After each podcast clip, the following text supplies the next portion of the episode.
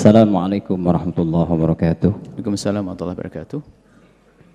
Buya, saya ingin bertanya bagaimana memahami dan mempraktekkan iman mengimani rukun iman yang keenam Buya. Iman kepada yang baik dan yang jelek. Karena kadang orang imannya kepada yang baik, ketika yang jelek nggak diimani. Uh, seperti ini bu ya contohnya kita kurang paham. Contohnya orang perampok, sudahlah saya jadi perampok nanti kan sudah iman dengan kejelekan ini dari Allah. Sudahlah saya nggak usah usaha nanti walaupun nggak kerja nanti bakal kaya. Bagaimana memahami dan mempraktekkan bu ya? Terus yang kedua kalau satu, boleh nambah Bu ya. Satu aja cukup biar dibagi sama nah, Syukran kasih. Assalamualaikum warahmatullahi wabarakatuh. Assalamualaikum warahmatullahi wabarakatuh. Al-iman bil qada wal qadar. Iman dengan qada dan qadar, baik dan buruknya itu adalah dari Allah. Dan kita harus ridho dengan ketentuan Allah.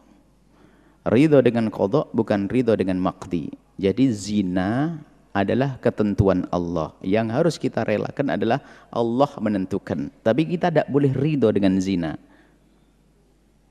Jadi semua orang melakukan kehinaan adalah ketentuan. Kita harus tahu dulu apa sih kodok dan kodar dulu. Supaya tidak salah. Kodok itu adalah pengetahuan Allah, ilmu Allah. Pengetahuan Allah terhadap apa yang terjadi. Apa yang sedang terjadi dan akan terjadi. Apa yang diketahui Allah itu kodok. Kemudian qadar adalah apa yang Allah berlakukan sesuai dengan kodok Allah. Allah maha tahu kalau anda itu punya cucu itu banyak jadi ulama semua. Allah sudah tahu, anda belum tahu. Amin. Ya kan? Anda punya cucu alim-alim semuanya. Karena anda cinta majelis ilmu, Allah beri anda, cucunya, cucunya belum keluar. Tapi Allah sudah tahu itu kodok. Allah sudah tahu bahwa anda akan punya cucu ulama Rasulullah. Allah tahu. Itu namanya kodok dari Allah. Tak taunya anda sudah sepuh pakai tongkat dan sebagainya, cucu anda sudah boleh keluar, mulai belajar untuk jadi ulama. Lah di saat Allah memberlakukan itu namanya qadar Allah sesuai dengan kodok. Namanya kodok kodar. Itulah yang dibahas. Semua yang terjadi ketentuan Allah. Itu. Berarti yang tahu apa yang akan terjadi siapa? Allah jangan sok jadi Tuhan. Yang repot dia sok jadi Tuhan. Kalau memang saya ahli surga biarpun maksiat kan tetap masuk surga. Siapa bilang ente masuk surga? Kok urusan surga main-main? Sekarang urusan makan saja ada Anda lapar jam 12 siang sama saya ada sate coba berani ngomong. Kalau memang jatah saya kenyang kan pasti kenyang. Berani ngomong gitu? Gak ada. Urusan makan gak ada yang ngomong. Urusan rezeki juga. Kenapa pagi-pagi Anda pergi kerja? Sampai Masya Allah. Ada yang berani duduk. Kalau memang jatah saya dapat duit, saya duduk di rumah kan dapat duit. Wah, hebat benar nanti. Ketahuilah bahwa kita itu suka sok tahu apa yang akan terjadi. Makanya nggak benar orang Anda tidak tahu kok. Jangankan kok tahun depan, satu menit berikut ini kita tidak tahu Anda bakal batuk berapa kali ya. Anda bakal bersin berapa kali. Anda kan rencana mau makan nasi jamblang, rencana. Tak hanya dikasih nasi bungkus oleh teman Anda, nggak jadi, batal nasi jamblang. Urusan nasi jamblang nggak berhasil, padahal nasi jamblang depan ada. Jadi meyakini maknanya mengimani bahwa semua yang berlaku di semesta ini adalah atas ketentuan Allah dan atas kuasa Allah. Itu namanya iman dan kodok kodar. Tidak ada yang terjadi di semesta kecuali atas kuasa Allah. Ada orang bermaksiat atas kuasa Allah. Ada orang melakukan zina atas kuasa Allah. Dan dikehendaki oleh Allah. Dikehendaki oleh Allah. Kalau tidak dikehendaki tidak akan ada yang terjadi jadi panjang ke sana ceritanya. Makanya kalau ada orang ngomong ya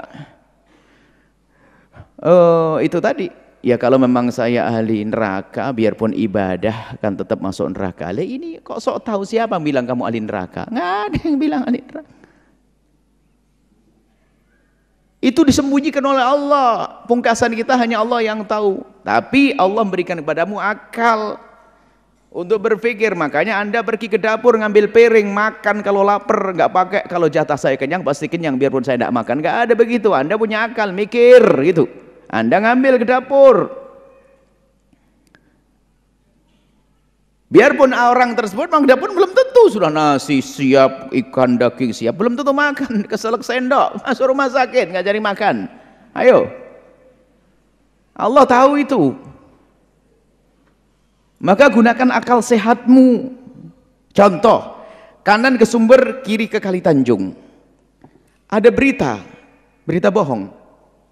Seandainya ini berita benar, bahwasanya ada ibu yang bernama siapa atau bapak nama siapa dapat hadiah habis majelis ini dapat hadiah 10 juta di sumber di sumber 10 juta beneran nih Bapak mikir sumber mana tahu sumber ke arah ke kanan kira-kira anda yang pakai otak berpikir tuh ngambil 10 dan jangan terlambat ya. Jam 10 angus lo ya.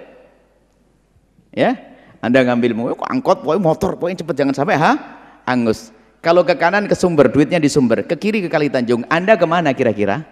Mikir yang sehat. Kanan pasti karena duitnya ada di sumber belok kanan. Ada ndak kira-kira yang paling cerdas selalu berkata saya akan belok kiri kalau jatah saya dapat duit pasti nyampe ke tangan saya. Oh anda gila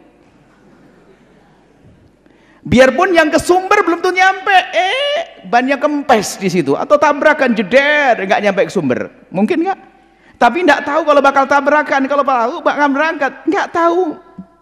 Maka jangan sok tahu, jalani saja sesuai dengan sunnatullah, aturan Allah jalani. Makanya surga itu di sana. Maka jalannya ini, sholat ibadah. Wong, lo kalau saya jatahnya masuk surga akan masuk surga. Eh lewat jalur kiri, zina, mabuk. Anda ini sama ngambil duit, mestinya ke sumber belok kanan, belok kiri, gila. Begitu loh, gambarannya begitu. Lah iya di mata Allah memang betul. Yang belok kiri, yang gila tadi benar dapat duit ternyata. Kenapa? Gila itu sampai di pom bensin ketemu temennya, temen akrab lama. He, lu mau ke mana? Oh, orang Betawi dia.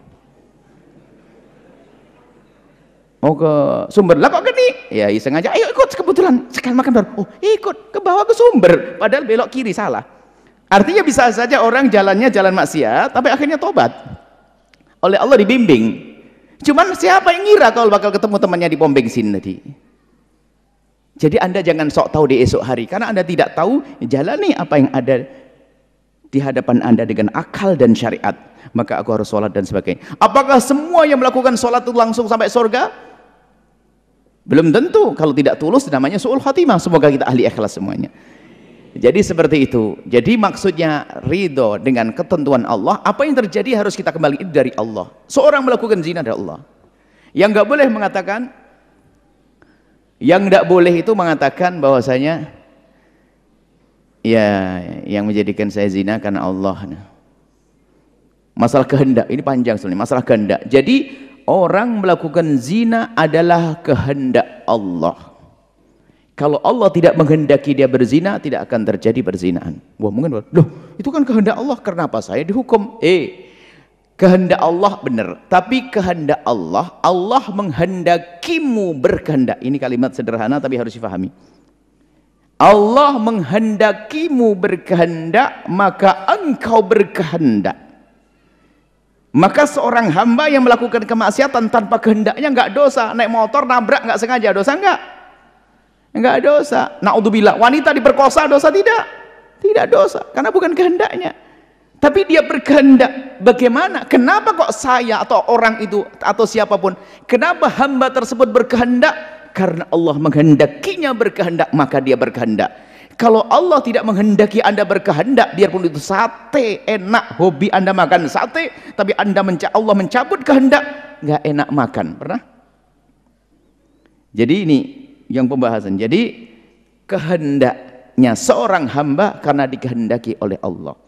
Kalau sudah kehendak itu dicabut maka tidak akan punya kehendak. Maka di saat Allah menghendaki anda berkehendak, maka berkehendaklah seorang hamba melakukan kebaikan. Naudzubillah si fulan berzina dengan kehendaknya.